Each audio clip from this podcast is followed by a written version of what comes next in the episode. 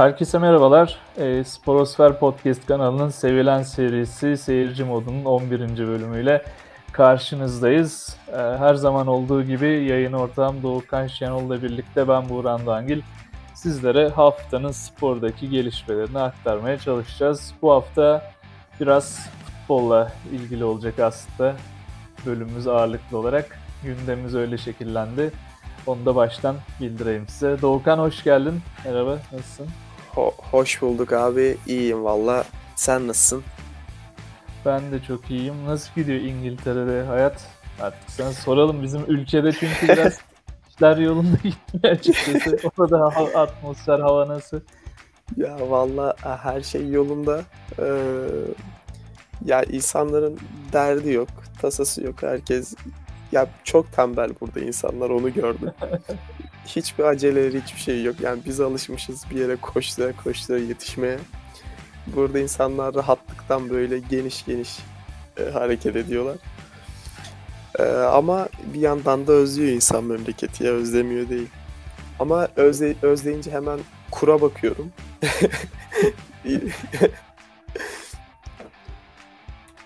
Özlemim bir anda şeye dönüşüyor.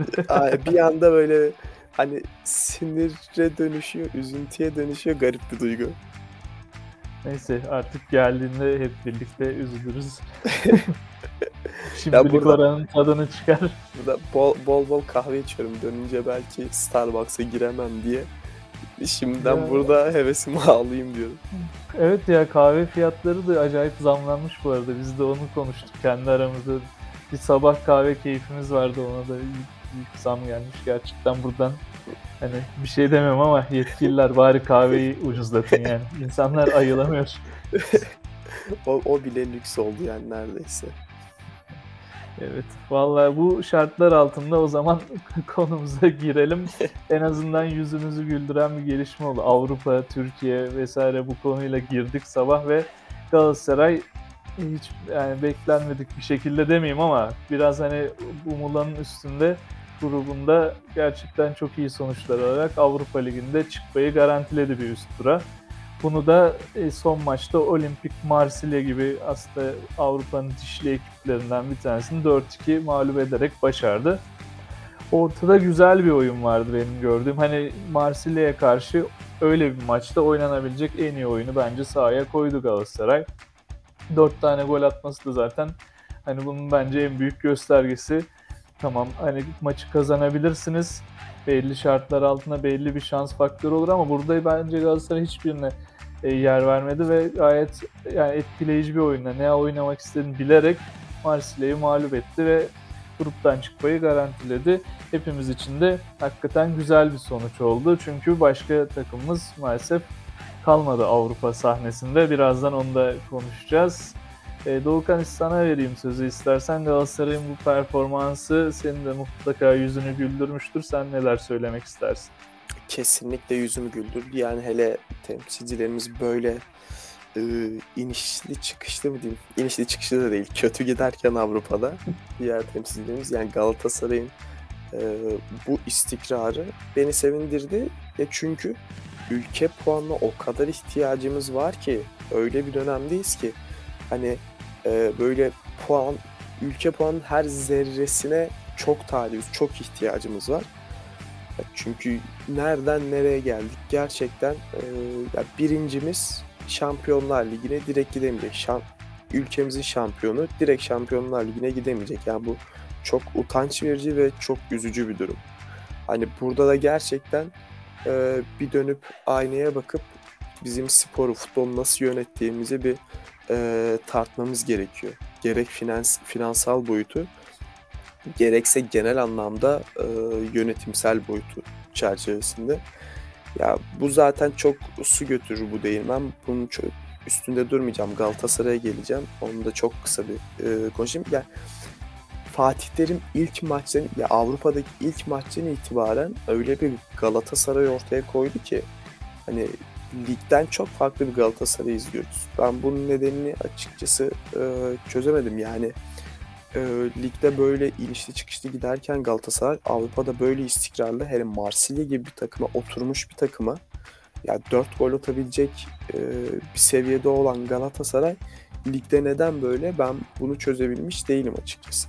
Evet aslında dün itibariyle de araya giriyorum. E, Altay'ı yenemedi Galatasaray. Gerçi Altay bu senenin dişli ekiplerinden ama ligde hakikaten inişli çıkışlı bir performans gösteriyor. Bunu da zaten hani e, şöyle düşündük seninle. Haftaya belki bir Galatasaray Fenerbahçe lig özelinde bir konuşuruz onların üstünde ama şimdi sen Avrupa'dan devam et istersen abi. Evet.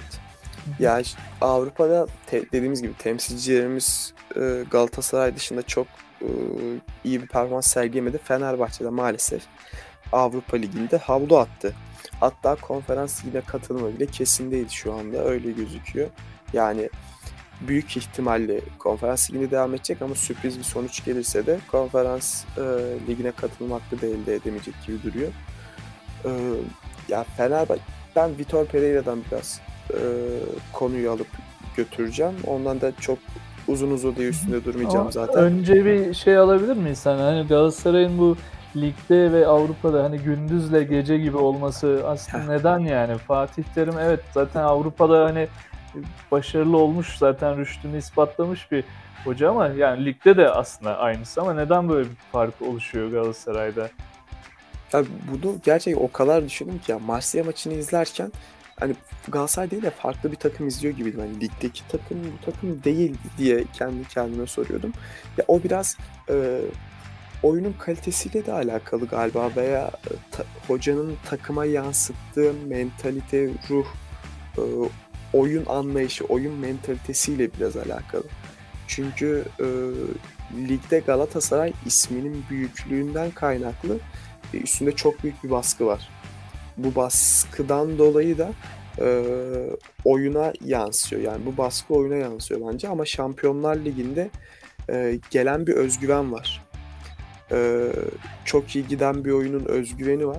Bu özgüven bence oyuncuların ayaklarına yansıyor diye düşünüyorum. Çünkü futbolda hani her ne kadar taktiğe bağlı olsanız da e, psikoloji çok önemlidir. E, o yüzden oyuncular o psikolojiyle o rahatlıkla hareket ettikleri zaman kendine daha geniş bir alan buluyorlar yani daha geniş bir konfor alanı bulup o konfor oyuna yansıyor. Oyunu da konforlu oynayıp göze hoş gelen bir futbol sergiliyorlar. Hani bence bundan kaynaklanıyor ve Fatih Terim'in de e, tecrübesi zaten hiç su götürmez. E, Fatih Terim de o tecrübesini bence Avrupa tecrübesini konuşturuyor. Yani dediklerine son derece katılıyorum. Ben de oradan şekillenen aslında bir görüş sunacaktım kendi adıma.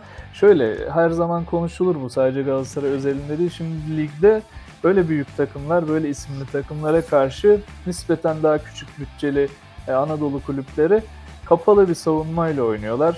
E, oyunun onlara gelmesini bekliyorlar ve oyunu yönetme bir mesela Galatasaray'a bırakıyorlar buradaki örnekte. Orada da Galatasaray aslında yeni yapılan genç bir takım olduğu için belki oyuna hükmetme kısımlarında bazı sıkıntılar çekiyor. Bunu zaten ligde görüyoruz ama Avrupa'da zaten hani belki de bu kadar güçlü bir grubun içinde olması Galatasaray'ın ve oyuna daha çok hükmetmeye çalışan takımlarla mücadele etmesi onların gelen hani kontralarda ve geçiş oyunlarında daha efektif bir tavır sergilemesini hani sağlıyor.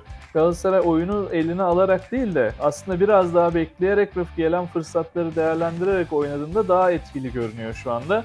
Onu da Avrupa Ligi'nde bence iyi sonuçlarla yansıtıyor gibi. Hani ben de bu görüşteyim. Belki o, ama bu takımın potansiyelini de ortaya koymuş oluyor. İleride bu takım tecrübelendikçe ve belki de birkaç tane iyi takviye yapıldığında hem oyuna hükmeden hem de kapalı savunmalara karşı daha da efektif bir takım olursa ligde de çok can yakar ve şampiyonluğun da en büyük adaylarından bir tanesi olabilir. Yani bu arada Fatih Terim bunu yapmış bir adam. Ya bu kadar puan geriden gelip ligi sırtlamış da bir adam. Evet oraya birazdan geleceğiz. Şimdi sırtlamış bir adam ona hiç kimsenin şüphesi yok. Galatasaray hep şey derler son haftalarda açılır Fatih Terim Galatasaray ama bir hızlı koşan da bir Abdullah Avcı var ondan Çok hızlı. bahsedeceğiz. Ama biraz istersen senin de Vitor Pereira'ya sistemlerinle birlikte Fenerbahçe'nin de Avrupa performansına bakalım. Olympiakos mağlubiyeti sonrası zaten gruptan çıkma umutları bir başka bahara kaldı Fenerbahçe'nin ve konferans ligine hani büyük ölçüde katılacak ama E nedenli bu Fenerbahçe gibi hani finansal olarak büyük bir takımın özellikle para harcayan bir takımın e, hedeflerini karşılar. O tartışılır ama ne olur ne biter Fenerbahçe'dir ki Pereira'nın da aslında bir yani şey de var artık tartışılan bir teknik direktör de oldu. Özellikle yaptığı oyuncu tercihleri ve oyun tercihleriyle. Sen ne dersin Doğukan? Dediğin gibi haftaya Fenerbahçe ve Galatasaray üstünde detaylı dururuz ama çok genel çerçevede yorumlamak istiyorum. Ya Pereira sürekli maç sonlarında çıkıp e, Avrupa Ligi bizi yoruyor. İki kulvarda mücadele ediyoruz. Tek kulvarda mücadele etsek çok farklı olur diye söyler. Ya aklımda ya taraftan aklında şey oluşuyor. Yani bu maça o zaman çok fazla asılmayacak mı bu adam? Çünkü bir maçtan sonra çıktı işte bizden kimse bu kupayı kazanmamızı beklemesin realist olalım. Bir maçtan sonra çık çok yoruluyoruz. Avrupa Ligi bizi çok yoruyor. Yani e, böyle buradan şey e, duygusal bir varyansın etmek istemiyorum da yani genel olarak hocalara söylüyorum bunu. Sergen Yalçın da söylüyor. Onlara söylüyorum. Ya sizin işiniz bu takımı maçlara hazırlamak değil mi?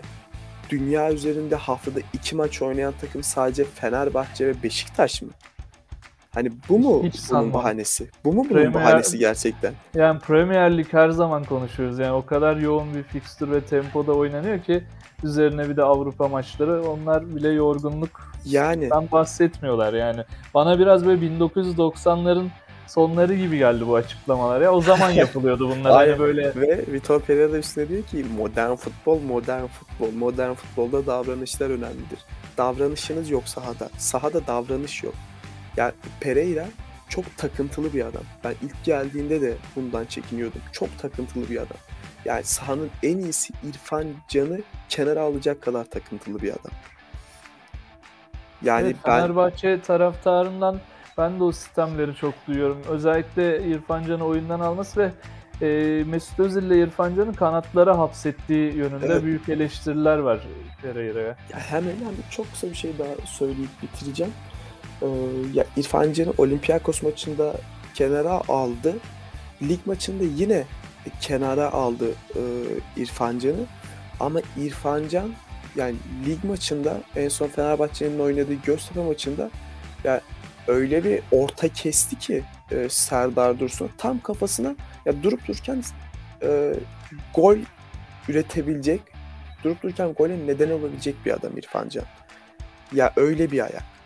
Ya Serdar Dursun'un kafasına topu direkt indirdi, aldı at dedi resmen bir ortayla.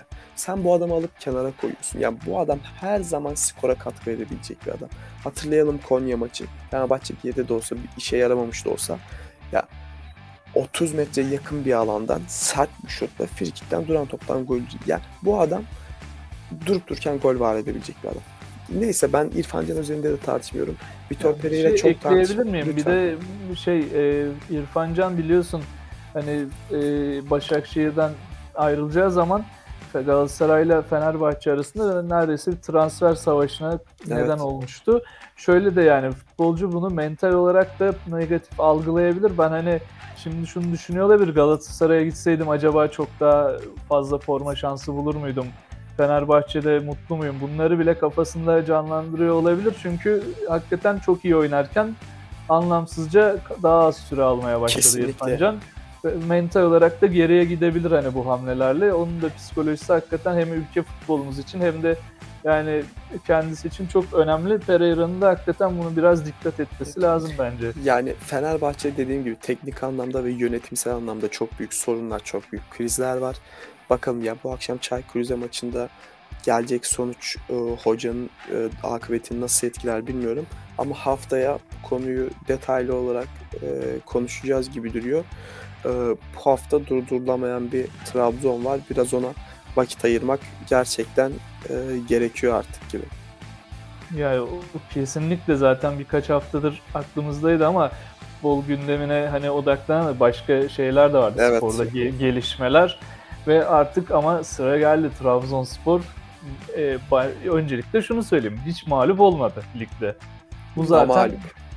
yani bir çok önemli bir etken. Bu ligde hiç mağlup olmadan ilerlemek 15 hafta boyunca gerçekten takdir edilecek bir başarı. Ve bu arada çok pardon bölüyorum ama hani beraberlik sayısı da fazla değil. Sadece 3 beraberliği var.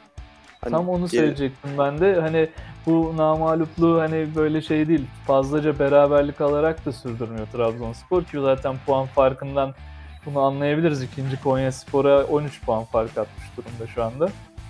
Ve 3 beraberlikle ilerliyor sadece.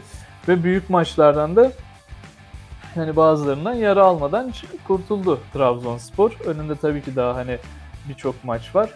Ancak sezonun yani üçte birine geldiğimizde hatta neredeyse yarısına yaklaştığımız bir süreçte valla çok iyi gidiyorlar. Abdullah Avcı da Beşiktaş'tan tabiri caizse yaka paça gönderilen isimlerden bir tanesi oldu. Başakşehir'den sonra performans art asla eskisi gibi olmayacak mı dendi. Çünkü Avcı orada kendi ekolünü ve e, oyununu yaratmıştı çünkü uzun yıllar kalarak ve hani oradan ayrıldığında Avcı o takımın hocası olarak sivrildi. Başka bir yerde bir şey yapabilir mi dendi. Çünkü Beşiktaş'ta da işleri iyi gitmemişti. Erken gönderilmişti. Orada zaten bir de mali bir krize de neden olmuştu tırnak içinde ve onun tartışmaları sürerken Trabzonspor'la anlaştı ve daha mütevazı bir kadro diyebileceğimiz bir kadroyla ligin altını üstüne getiriyor Doğukan. Hani nasıl tanımlarsın Trabzonspor'un oyununu ve Abdullah Avcı'nın oynattığını? Bu oyunculardan da senin gözüne batanlar hangileri? Biraz da onları aslında duymak isterim yani. Yani Abdullah Avcı'dan başlayalım. Abdullah Avcı hani İstanbul Büyükşehir Belediyesi'nden başlarız. İşte milli takım Beşiktaş derken e, üstüne yapışan bir e, loser algısı vardı. Ya hani sürekli maçların sonunu getirememe, e, şampiyonluk yarışında e, maratonun sonunu oynayamama e, gibi bir algı vardı.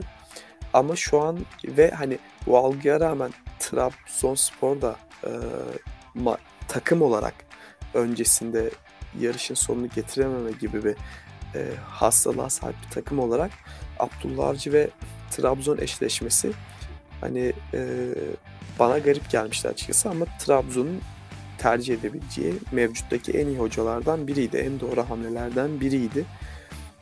Durumda onu gösteriyor. Yani çok doğru bir tercih yapıldığını gösteriyor. Ee, Abdullah zaten Avcı çok bana- pardon ama zaten yani şunu eklemek için araya girdim. E, yabancı hoca Trabzon kentinin dinamiklerine bence uymuyor. Ne kadar yabancı hoca geldiyse hiç başarılı sonuç alamadı. Çok nadir yani. O yüzden de yerli hoca ve hani boştaki yerli hocalara bakıldığında bence de avcı yani birinci tercih olmalıydı zaten. Ya Trabzon öyle bir şehir ki futbolla yatıp futbolla kalkan bir şehir yani.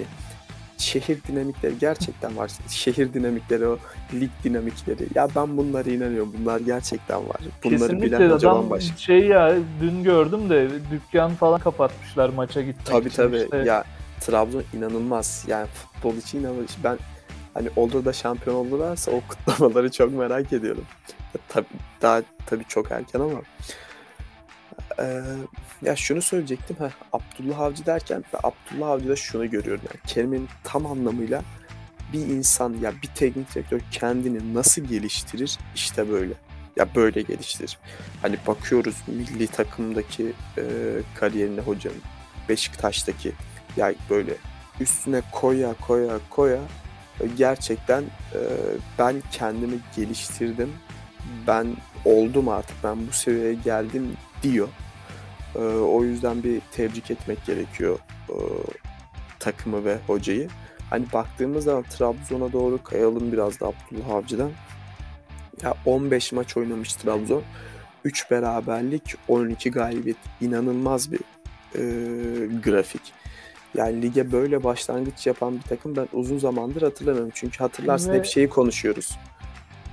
Yani Şey, e, 31 gol atarak başarıyor bunu. En yakın benim hatırladığım ona yaklaşan gol sayısı 22-23. Yani bayağı da golcü bir takım ve çok az gol yiyor Trabzonspor. evet yani hep şunu konuşuyoruz. Ligde işte makaslar aldı. Her takım hepsini yenebilir. Sondaki takım gelip lideri yenebilir. Yani ve son birkaç senedir de böyle bir Süper Lig izliyoruz. Bu ortamda Trabzon'un e, her hafta üstüne koya koya istikrarlı bir şekilde gitmesi e, beni şaşırttı açıkçası. Hani sene başında Trabzon'dan böyle bir futbol kim bekliyordu soralım. Hiç ben hiç hiç kimsenin yani desek ki sene başında hadi bak Trabzon 15 maç Bak şu tabloyu sene başında söylüyorum. 15 maç oynanacak. Trabzon 12 galibiyet, 3 beraberlik alacak. En yakın rakibi Konya'ya. Hani Konya en yakın, en yakın rakibine 13 puan fark atacak. Bunu Ahmet Ağaoğlu dahil bence kimse beklemiyordu. Bence de. Ben açık söyleyeyim. Trabzonsporlar belki bana kızacak bunu dinleyince ama ben şunu bekliyordum. Çok fazla yine transfer. Ee, arada da böyle hani e, eski yıldızlar diyeyim var. Mesela Marek Hamšík gibi işte e, Cervinho gibi. Ben onların da işin içine dahil olarak böyle geniş ve çok transferli bir kadronun yine sezon içinde öyle karma karışık bir hale bürünüp hani tekerinin patlayacağını düşünüyordum açıkçası. Yani burada aşırı yanılttı beni Trabzonspor. Ama bunda da az önce konuştuk. Bence en büyük etki Abdullah Avcı'ya ait. O hakikaten hizaya getirmiş görünüyor bütün oyuncular. Çünkü çok orada farklı bir dinamik var şehirde ve çok fazla transfer yapıldı. Trabzonspor ne zaman böyle başlasa sezona hep kötüye gitmişti yani tarihte baktığımız zaman ama bu sene ilginç bir hakikaten yol izliyorlar. Tekrar sana bırakıyorum sözü Doğukan'a. Hani şunu da söyleyeyim ya Trabzon hani lige iyi başlar ancak ikinci yarısından sonra e, bir tökezler diyoruz ya bir düşüş dönemine girer diyoruz ya. Hani bakıyorum ikinci yarıda düşüş dönemine de girse bu puan farkı bu kadar olunca e, rakiplerin yetişmesi çok zor. Yani Trabzon rakipsiz şu an gerçekten rakibiz. Hani şeye haksızlık etmeyelim. E, diğer rakiplerine, en yakın rakiplerine Konya ve Hatay'a e, haksızlık etmeyelim. Ama şu an Trabzon e, ipi sırtlamış gözüküyor. Çok erken, hiçbir şey söyleyemeyiz şampiyonluk için. Ahmet Ağaoğlu geçtiğimiz günlerde çıktı hatta açıklamalar yaptı. Şampiyonluk şarkıları söylendiğini duyuyorum. Sakın dedi. Yani bu temkinlik iyidir bence.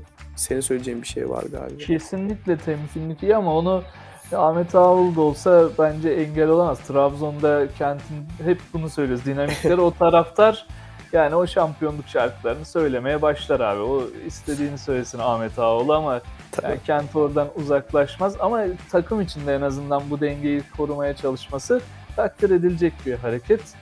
Ee, yani Trabzonlu şu anda ben şunu söyleyeceğim. Yenebilecek bir takım var mı sence? Hani şu günlük performansa baktığımızda bu döneme kadar performans. Tabii ki her maç kendi içinde özeldir. Her şey olabilir ama hani oyun kalitesi olarak baktığımızda şu Trabzonspor'un yenilmesi bence biraz güç duruyor. Ne kadar puan kaybederler sezon sonuna kadar göreceğiz. Hani büyük bir sakatlık olmazsa yani şimdi hani şey diyeyim ne denir ona şey Anadolu'da şeytan kulağına kurşun da şimdi mesela hani o Uğurcan gibi hani atıyorum çok önemli bir pozisyonda ve önemli bir kaleci o yani pozisyon olarak da kale önemli. Mesela öyle bir sakatlık yaşanmazsa hani şayet Trabzonspor'un çok zorlanacağını da ben düşünmüyorum. Hani kadrosu da derin ve geniş görünüyor. Tabii ki kadroda önemli oyuncular mevcut fark yaratan oyuncular ama yani buraya taşıyabilecek de bir takım gibi görünüyor. Hani şeye haksızlık etmeyelim dedim Konya Spor'la e, Hatay Spor'a. Şimdi tabii ki çok büyük iş başarıyorlar. Bence Trabzonspor kadar büyük bir iş başarıyorlar Konya Spor ve Hatay Spor. Ama onların maalesef ki bütçeler doğrultusunda ellerindeki kadronun darlığı Evet.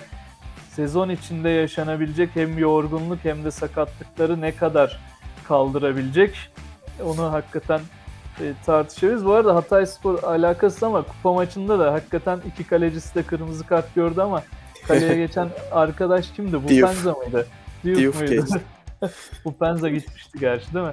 Diouf hakikaten iyi bir performans gösterdi. Onlar da ilginç bir tur atladılar. Yani onu da söylemeden geçmeyeyim dedim burada. Ya evet işte futbolun ilginç yanı e, orada iki kaleciyi harcayıp ondan sonra futbolcuyla tur atlamak gerçekten e, çok böyle şey hikayesi güzel bir maçtı. Evet Doğukan Trabzonspor'a son olarak hani dönelim kısaca ve şeyi e, bahsetmek istiyorum aslında. Senin gözüne çarpan performans var mı? Oyuncular özelinde. Hani Trabzonspor'un buraya gelmesinin tabii ki bütün oyuncuların payı var ama öne çıkan oyuncular sence kimler oldu bu süreçte?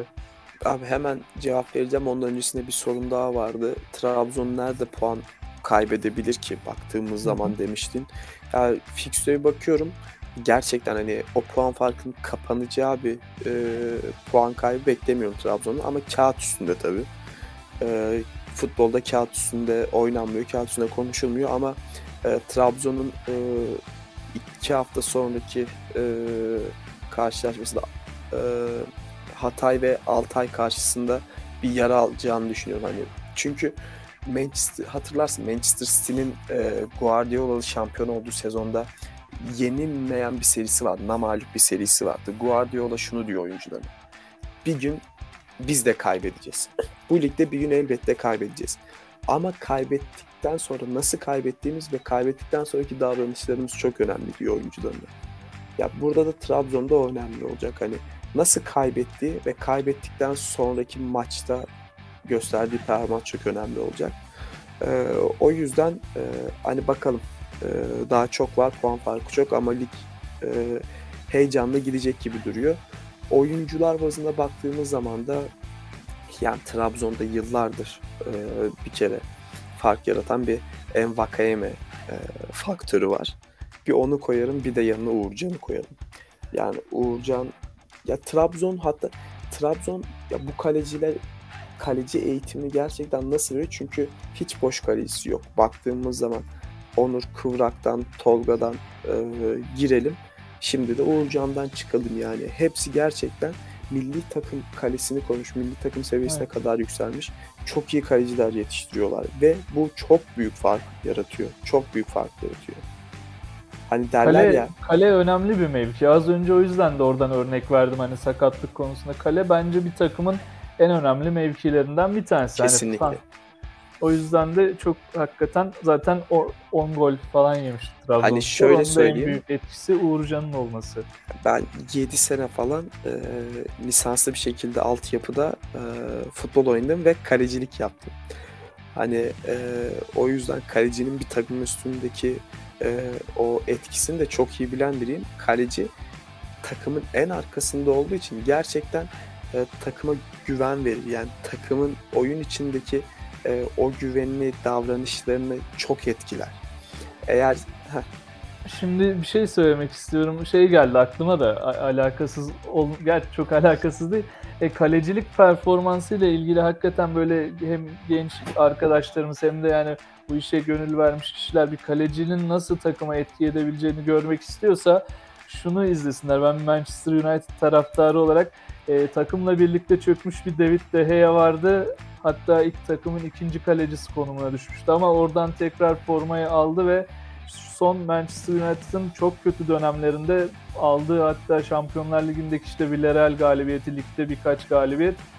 David De Gea'yı bir izlesinler. Bir kaleci evet. bir takımın nasıl ipten alır, nasıl puan kazandırır izlesinler yani. Onu yani, tavsiye ederim. Kesinlikle yani bir kaleci e, takımın gerçekten en önemli parçalarından birisi. Çünkü en son iş kaleci, kalecide bitiyor. İşte en başta kalecide başlıyor. Oyun oradan başlıyor, oyun da orada bitiyor. Ya o yüzden siz bir stoper de olsanız, bir e, santrafor da olsanız, merkez forvet de olsanız o arkanızdaki güven sizin ayağınıza yansıyor. O verdiğiniz pasa, o vurduğunuz şuta gerçekten yansıyor. O yüzden Uğurcan o ceza sahası içindeki e, özgüveni, o ceza sahası içindeki e, topa hakimiyeti, topa odaklılığı bütün takıma yansıyor bence. E, o yüzden bir fark yaratan Uğurcan'ı söylerim ki çok büyük bir fark yaratıyor. Bir de Envakayeme'yi söylerim. Vakayeme hani yıllardır e, ligde fark yaratıyor. Kendinden söz ettiriyor. O yüzden hani Vakayeme'nin transferinde kimin emeği geçtiyse Trabzonluların ona çok büyük bir teşekkür etmesi gerekiyor bence. Kesinlikle haklısın. Ben de kendi adıma aslında Canini'yi beğeniyorum Trabzonspor'da bu sene. Yani neden beğeniyorum? Hani Canini çok üst düzey bir performans mı koyuyor, yıldızlaşıyor mu? Belki hayır ama ondan zaten beklentiler o yönde değildi ve bence beklentilerin üstüne çıktı Canini. Orada iyi yani Forvet'te hakikaten Vakayeme'yi hem destekliyor hem orada Cornelius oynamadığı zaman Cornelius'un aslında bence açıklarını kapatıyor. Cornelius da bu arada önemli bir transferdi. Ama ben Canini'yi Cornelius'un önüne koyarım yani bu sene verdikleriyle. Bir de sakatlıklardan artık yakasını sıyırmaya çalışan Abdülkadir Ömür'ün son dönemde bir çıkışı var. o da evet. hem Türk evet, Türk futbolu hem de Trabzonspor için önemli. Ben de bunları ekleyeceğim ve hakikaten genel kadroyu ve e, her teknik heyet hepsini tebrik ederek baş, yani başarılarının hakikaten bu sefer devamını diliyorum Trabzonspor. Umarım ikinci yarıda e, bu performanslarına devam ederler ve Türk futbolundaki yani bu zirve yarışındaki çeşitliliği de e, korumuş oluruz yani birkaçtan. Bunda Trabzonspor'un başarabilecek güce sahip olduğunu düşünüyorum. Senin ekleyeceğin bir şey yoksa tam rüzgarın tersine estiği bir takımla devam edelim istersen. Ben söylemek istediğim her şeyi söyledim aslında. Ee, o yüzden bakın dediğim gibi lig daha uzun maraton ama e, Trabzon gerçekten şu an görünen ipi sırtlamış ve bu kadar puan farkı e, hiç kolay kolay kapanacak değil. E, o zaman yavaş yavaş dediğim gibi rüzgarın tam tersten estiği, işlerin e, çıkmaza girdiği, yine diğer e, takımlar gibi, diğer e, üç büyük takım gibi bir Beşiktaş var e, ortada. Hatta bence aralarında en sıkıntılı görünen ekip. Çünkü geçen senenin şampiyonu Beşiktaş. Hem de o şampiyonluğu yani tırnaklarıyla kazıya kazıya almış bir takım bence. Ee, Sergen Yalçın elinde dar bir rotasyon olmasına rağmen çok uzun süren bir sezonda yani son haftalarda hatta kaybedecek mi Beşiktaş derken şampiyonluğu aldı aslında oradan ben büyük bir ivme bekliyordum Beşiktaş'tan. Çünkü zorlu bir şampiyonluk süreci geçirince bence takım mental olarak bu yukarıya taşır diye düşünüyordum. Ama e, yapılan da harika bence kağıt üstünde transferler var ama hiçbir türlü takım kendini bulamadı. Sezon başında fena değildi Beşiktaş ilk 3-4 haftaya baktığımızda ama sonra büyük bir çöküş var. Şampiyonlar Ligi'nde zaten gerçekten bence baya kötü bir performans var. En azından yani birkaç puan alabilirdi Beşiktaş. Onu da göremedik. İşte Pjanic bir dünya yıldızı takıma katıldı ama Pjanic'in Beşiktaş'ta bence yıldızı barışmadı. Görünen o ki. Ben oyundan onu okuyabiliyorum. Yani Pjanic Beşiktaş'ta olmuyor.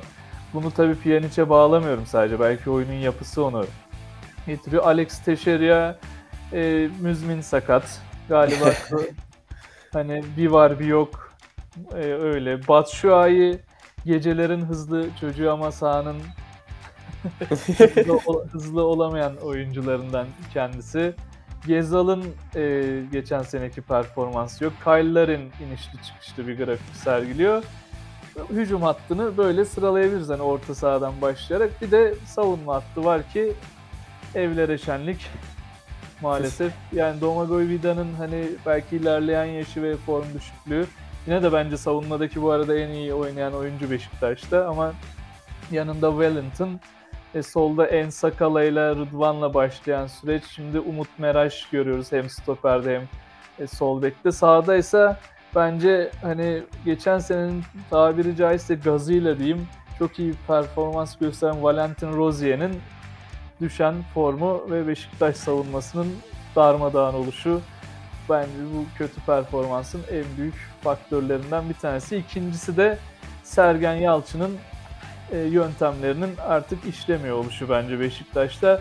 E, sen ne dersin Doğukan? Sana vereyim sözü. Ben ondan sonra üstüne ekleyeyim. Biraz fazla konuştum. Beşiktaş'a sistemlerimi iletirken hakikaten yok yok yani. Ya şu yüzden sinirliyim. Ben Çok... Beşiktaş taraftar değilim. Pardon hani hiç Süper Lig'den hiçbir takım şu an yani tutmuyorum ama e, Türkiye'de şampiyon olmuş ve üstüne çok hani bu kadar ekonomik kriz içinde birçok oyuncu getirmişsiniz. Şampiyonlar Ligi'nde iddialı olmak istiyoruz diye kadro kurmuşsunuz ama şu geldiğiniz duruma bir bakın yani hakikaten. Dönüp bir bakın bu nasıl bir bu ne perhiz bu ne lahana turşusu yani Beşiktaş'ın hali. Buyur sana bırakıyorum. Yani ya söylediklerine yüzde yüz katılıyorum. Her kelimesine katılıyorum. E, şöyle ya ben Beşiktaş'ı oyuncu bazlı çok yorumlayamıyorum. Çünkü Sergen Yalçın her maç sonu öyle açıklamalar yapıyor ki. Her maç sonu öyle açıklamalar yapıyor ki. Bu programda birkaç kere daha bahsetmiştim. Onur Özgen diye çok beğendiğim bir e, yorumcu vardır yani. Şey diyor, Beşiktaş maçtan sonra her basın toplantısında bir daha kaybediyor. Gerçekten e, Beşiktaş her basın toplantısında bir daha kaybediyor. Çünkü en son e, hoca çıktı, e, işte şey dedi, yedekten gelen oyuncuların e, katkı vermesi lazım. Katkı vermediler, vermiyorlar. Yani bir bakalım. Basın toplantılarına hızlı bir bakalım. Sporting maçından sonra çıktı. Bence bu şans dedi. Hani o kadar korner kullandılar. Geldi işte gol oldu. Bence bu şans dedi. Ondan sonra hoca çıktı. Ee, sorun var. E, sorunu çözeceğiz dedi. Sonra çıktı. Sorunun nerede olduğunu bilmiyorum dedi. Şimdi çıktı. E, yedekten gelen oyuncular katkı versin. Onlar katkı. Yani e, Sergen Yalçın'ın ya bunu yine programda söyledim kaç kere. O şapkayı bir önüne koyup kendine bakması gerekiyor. Ya geçen seneden farklı ne yapıyor? Geçen seneden farklı olan ne? Bunu iyice bir düşünüp tartması gerekiyor. Çünkü hani şey Pjanic'in e, performansını hatırlıyor musun? Ligin başında nasıl övüyordu? Evet. Nasıl iyi bir Evet. performans gösteriyordu? Ya ben oyuncu performanslarının tamamen hoca mentalitesine bağlı olduğunu düşünüyorum. Yani Pjanic'i izlerken hakikaten o dedim bu ülkeye geldi yatmaya gelmemiş hani mükemmel bir oyuncu izleyeceğiz bu senede dedim ama tabii ya. Yani- kayboldu. Ya ben tamamen hoca mentalitesine bağlı olduğunu düşünüyorum. Çünkü hoca oynamak istediği oyunu oyunculara ikna edemezse, oyuncuları iyi anlatamazsa oyuncuların performansı otomatik olarak düşer zaten.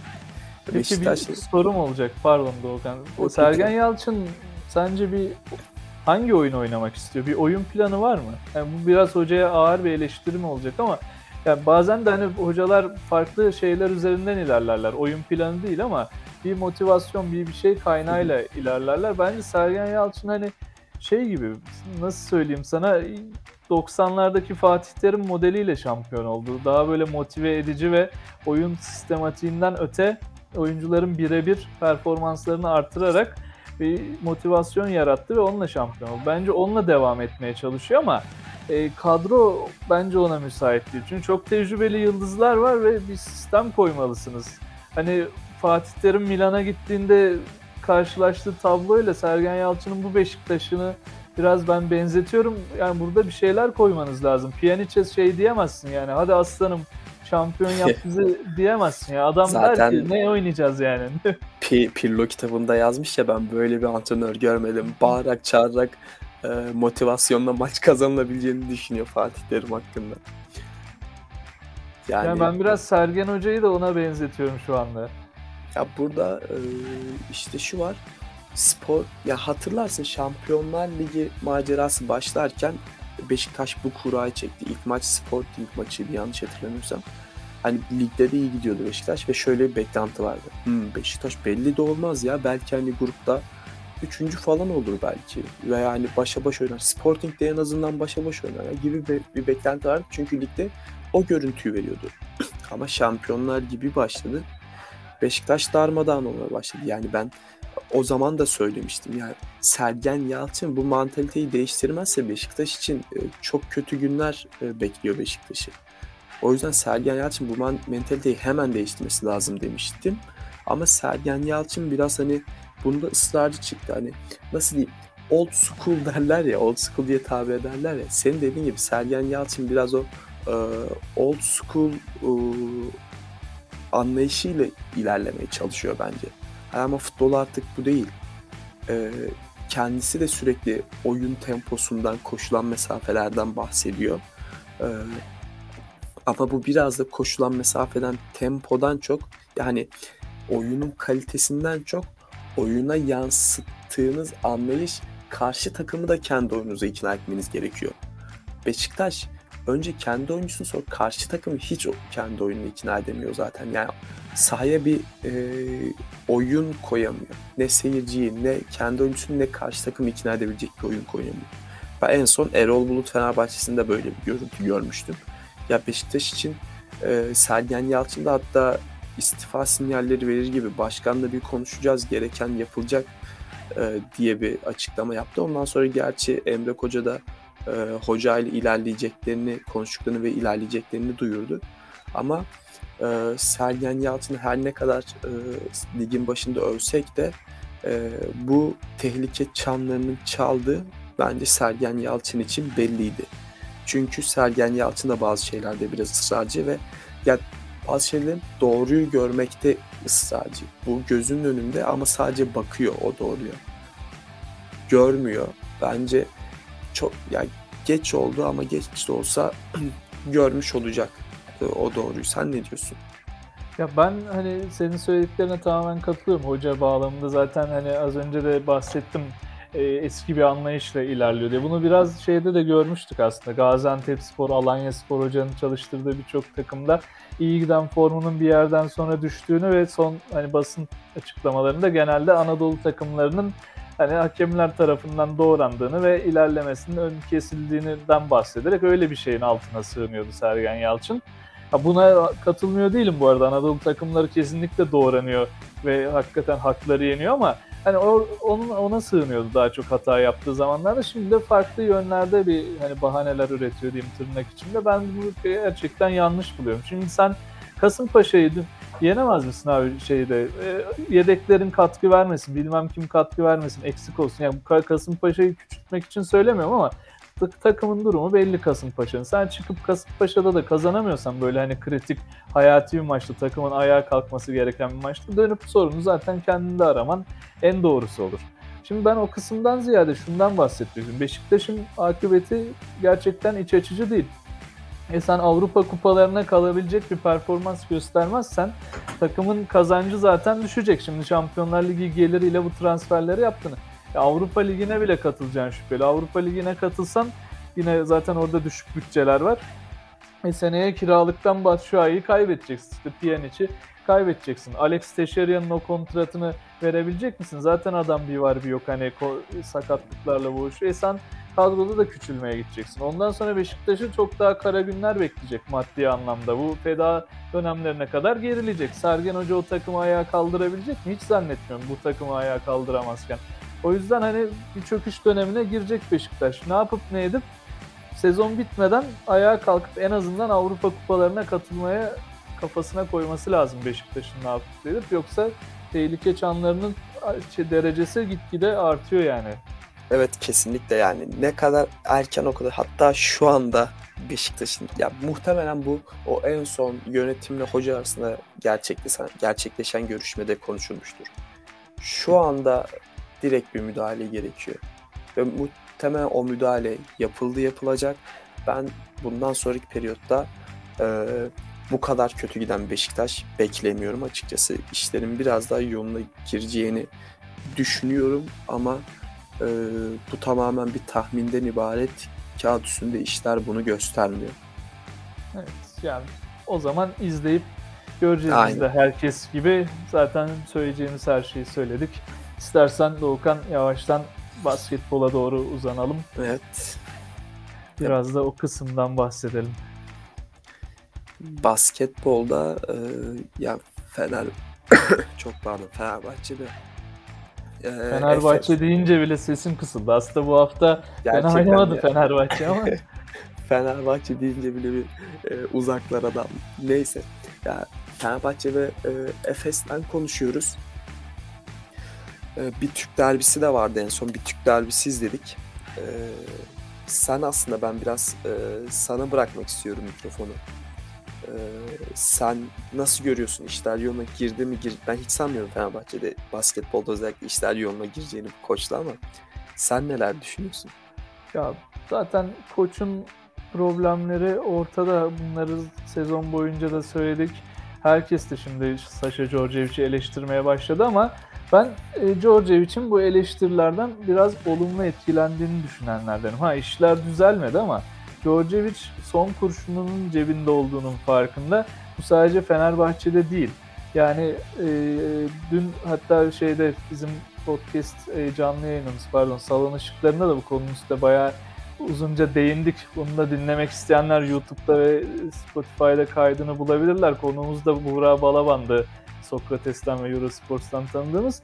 Ya orada da konuştuğumuz üzere hoca e, Avrupa'da kariyerinin sıkıntılı geçebileceğini düşünüyor bu süreçten sonra. Eğer Fenerbahçe'de istediği olmazsa e, nereden kontrat bulabilir Djordjevic? Bir kere onu sorgulamak lazım. E, Ettore Messina'yı sürpriz bir şekilde mağlup ederek İtalya Ligi'nde e, süpürerek e, tekrar böyle rüştünü bir, bir miktar ispatladı Djordjevic. Yoksa orada da zaten aslında bir loserlığa doğru ilerliyordu. Euro Cup'ı kazanamaması o kadroyla büyük eleştirilere e, maruz bırakmıştı kendisini ama Messina'yı orada mağlup etmesi ha bu Djordjevic'te hala iş var mı dedirtti açıkçası ve onun sayesinde Fenerbahçe ile bir kontrat yaptı. Şimdi Djordjevic burada hiçbir şeyi başaramazsa ve tamamen parçalanmış şekilde ayrılırsa kendi kariyerinde nerelere kadar düşebileceğinin farkında. O yüzden de son cebindeki kurşunları oynuyor ve Fenerbahçe Monaco karşısında hiç fena bir oyun oynamadı. Bu arada Efes karşısında da hiç fena bir oyun oynamadı. Ama şuna denk geldiler. Öncelikle Efes maçından bahsedeyim. E, Efes'in uyanışı sürüyor. Bence hani son birazdan konuşacağız. Barcelona'ya son dakikalarda uzatmada gelen mağlubiyet var ama bu kimseyi aldatmasın. Efes kendi kimliğini tekrar yakalamaya başlamış gibi görünüyor. O Fenerbahçe Efes maçına gelecek olursak da ya orada biraz açıkçası kadronun kalitesi ağır bastı Efes'te. Özellikle kısaların kalitesi diyeyim. Yani Fenerbahçe'nin kısaları kalitesiz mi dersen asla değil ama ben Nando Colo'nun yaşının ilerlediğini düşünüyorum. İşte Şayok iyi bir oyuncu ama buralarda oynamaya henüz alışık değil. E, Pierre Henry inişli çıkışlı bir oyuncu. E, Guduric yine hakeza Fenerbahçe'nin önemli isimlerinden ama bu sezon özelinde söylüyorum. Bazen maçın içinde hiç görünmüyor. Efes'in kısaları Mitsic gibi, Larkin gibi, Boboa gibi isimler hani al tabiri caizse alev alınca onları durdurmak kolay olmuyor. Maalesef hani öyle olunca da Fenerbahçe adına diyorum maalesef mağlubiyet kaçınılmaz Bir de Fenerbahçe oluyor. bu son dakika mağlubiyetlerine bir yenisini daha eklemiş oldu koleksiyonuna. Hayırlı uğurlu olsun. Evet ya onu da zaten hani uzun uzadıya bir konuşmuştuk. Şimdi çok vaktimizi alır. Neden bu son dakika mağlubiyetleri geliyor? O biraz takım kimyasının yeni olması ve henüz oturmaması da bunda çok büyük etki e, sebebi ama yani tekrar Djordjevic'e gelirsek Djordjevic son şansı olduğunu farkında cebinden oyunlar çıkarmaya başladı. Monaco maçında da ben Fenerbahçe'nin oyunu gayet beğendim. Mike James'e biraz fazla imkan tanıdık aslında ama belki de o da bir seçenekti. Mike James'i oynatıp diğer hiç kimseyi maçın içine sokmadık neredeyse. O yüzden de ben rahat bir galibiyet aldığını düşünüyorum Fenerbahçe'nin. Fenerbahçe böyle oynadığı zaman en azından yani tamam 5-6 tane hakikaten cüsseli takım var yani kallavi takım var Euroleague'de. Bu sene Fenerbahçe'nin hem bütçe olarak hem de oyun olarak üzerinde ve yapılanma olarak üzerinde.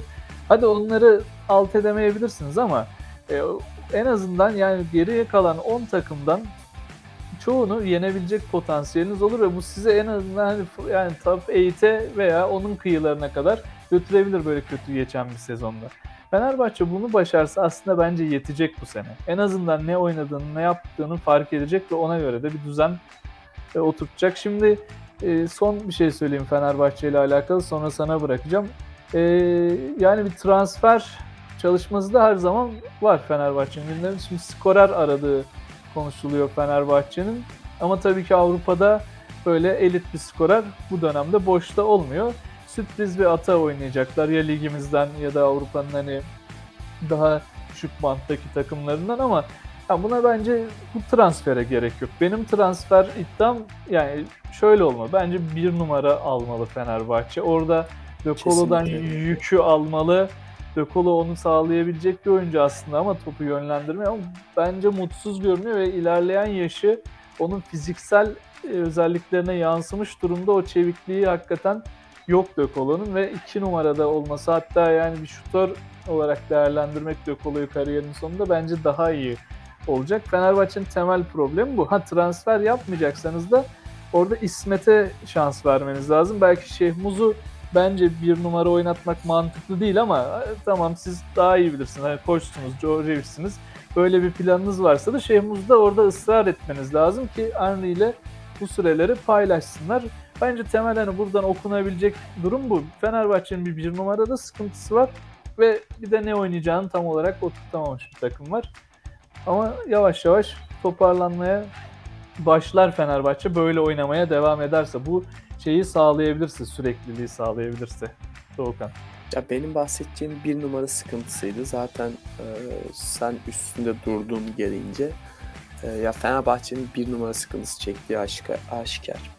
Ee, onun dışında Fenerbahçe'de öyle bir alışkanlık vardı ki yani bu takım 5 e, yanılmıyorum 5 kere de mi üst üste Final Four oynamış bir takım. Yani e, öyle bir alışkanlık, öyle bir beklenti var. O yüzden bu ıı, taraftarı ve bu basketbol severleri memnun etmek çok zor ama o oynanan oyun da onun çok çok uzağında yani e, bırakın Final Four'u ya maç özelinde çok uzakta oyunlar oynadı Fenerbahçe. E, ama hani bu geçiş süreci Obradovic'den sonra çok sancılı oldu. İkinci senesine girdi artık. E, o yüzden bir an önce Fenerbahçe'nin e, toparlanması toparlanamıyorsa da hani e, bir Geraldini var orada bas Fenerbahçe'nin basketbol aklı. E, bir sonraki sene planlamasının yapılması lazım en azından. Çünkü bu sene bazı şeyler düzelecek mi, düzelmeyecek mi e, benim aklımda hala soru işareti var. Sen biraz iyimser bir tablo çizmiş olsan da. ben de aslında bakarsan bir kötümser bir iyimser tablolar çizmekten yoruldum Fenerbahçe'ye bakarak ama ya ben şöyle iyimser düşünmeye çalışıyorum. Djordjevic'in ben yani biraz basketboldan anlıyorsam şunu gördüm Djordjevic'in yüzünde. Bu tamamen aslında bir tahmini bir şey. Hoca ne durumda olduklarının artık farkında. Şimdi geçen hafta Fenerbahçe'ye bu kadar gömerken ben şeyi söyledim. Hoca durumun bence farkında değildi. Yani hala bir şeylerin böyle düzelebileceğini düşünüyordu ve şimdi böyle olmayacağını düşünerek şunu yapmaya çalışıyor. Biz battık. Buradan nasıl çıkarız? Ben onun evet. yüzünden okuyorum. Hani o yüzden bir umut var diye düşünüyorum Fenerbahçe ile alakalı. Ya biraz Djordjevic'in kaderinin Fenerbahçe ile bağdaşmış olması Fenerbahçe'nin evet. işine gelecek evet. burada. Yani. Ya beraber çıkacaklar ya beraber batacaklar. evet yani hiç kurtuluş yok ya hep beraber ya hiçbirimiz. Georgia Fenerbahçe ilişkisi. Her doğru da... kurtuluş yok tek başına. Ya hep beraber ya hiçbirimiz. Aynen öyle. Evet istersen biraz da daha pozitif taraftan gidelim Efes. Ee, Barcelona'ya kaybetti Efes. Mükemmel bir maç oldu yalnız. Çok mükemmel bir maçtı. Euroleague Final Four hatta finali tadında bir maçtı. Her şey oldu maçta. Efes mağlup oldu ama oynanan oyun beni açıkçası tatmin etti. Tabii ki eksikler var ama bu seviyede bu oyunu oynuyorsa Efes geçen seneki kimliğini bulmuş demektir. Yener, yener yenilir ona bir şey diyemem ama Efes kimlik kaybı yaşıyordu ama bence Efes yavaş yavaş kimliğini buluyor Doğukan. Sen nasıl gördün ma- maçta Efes yani? Efes'in zaten hani onu diyorduk ki Efes'in e, değişen bir kadrosu yok değişen bir hocası yok. Sadece kendine gelmesi, özgüven kazanması gerek diye. Yavaş yavaş o oluyor gibi Efes'te sanki. Yavaş yavaş o özgüven kendine geliyor. Yavaş yavaş o e, oyun anlayışı zaten vardı. Sahaya yansılıp sonuca da yansıyınca e, o takım içindeki ruh canlanıyor ve bu sayede bence Efes e, bir doğru yola giriyor. O rayına oturuyor oyun. Hani o yüzden Efes'in iyi oynaması hiç şaşırtmaz. Bu kadar kötü olması şaşırtır tam tersine. Çünkü en son şampiyon. Ee, o yüzden Efes'ten beklenen aslında e, bu şekilde kararlı ve maçın sonuna kadar maçı götüren bir oyun. Evet, Efes'i yani uyanmasını hepimiz bekliyorduk dediğin gibi. Şimdi uyandı. Burada iş normale dönmüş gibi görünüyor. Şimdi asıl taktik teknik konuşabiliriz Efes üstünde. Ya şöyle iki durum var. Hani kısaca bahsedip hemen bitirelim Efes'te. Ee, ya şimdi Misic uyanmış görünüyor bir maçta. İşte Larkin uyanmış görünüyor. Larkin'in özellikle son dönemde iyi bir performansı var.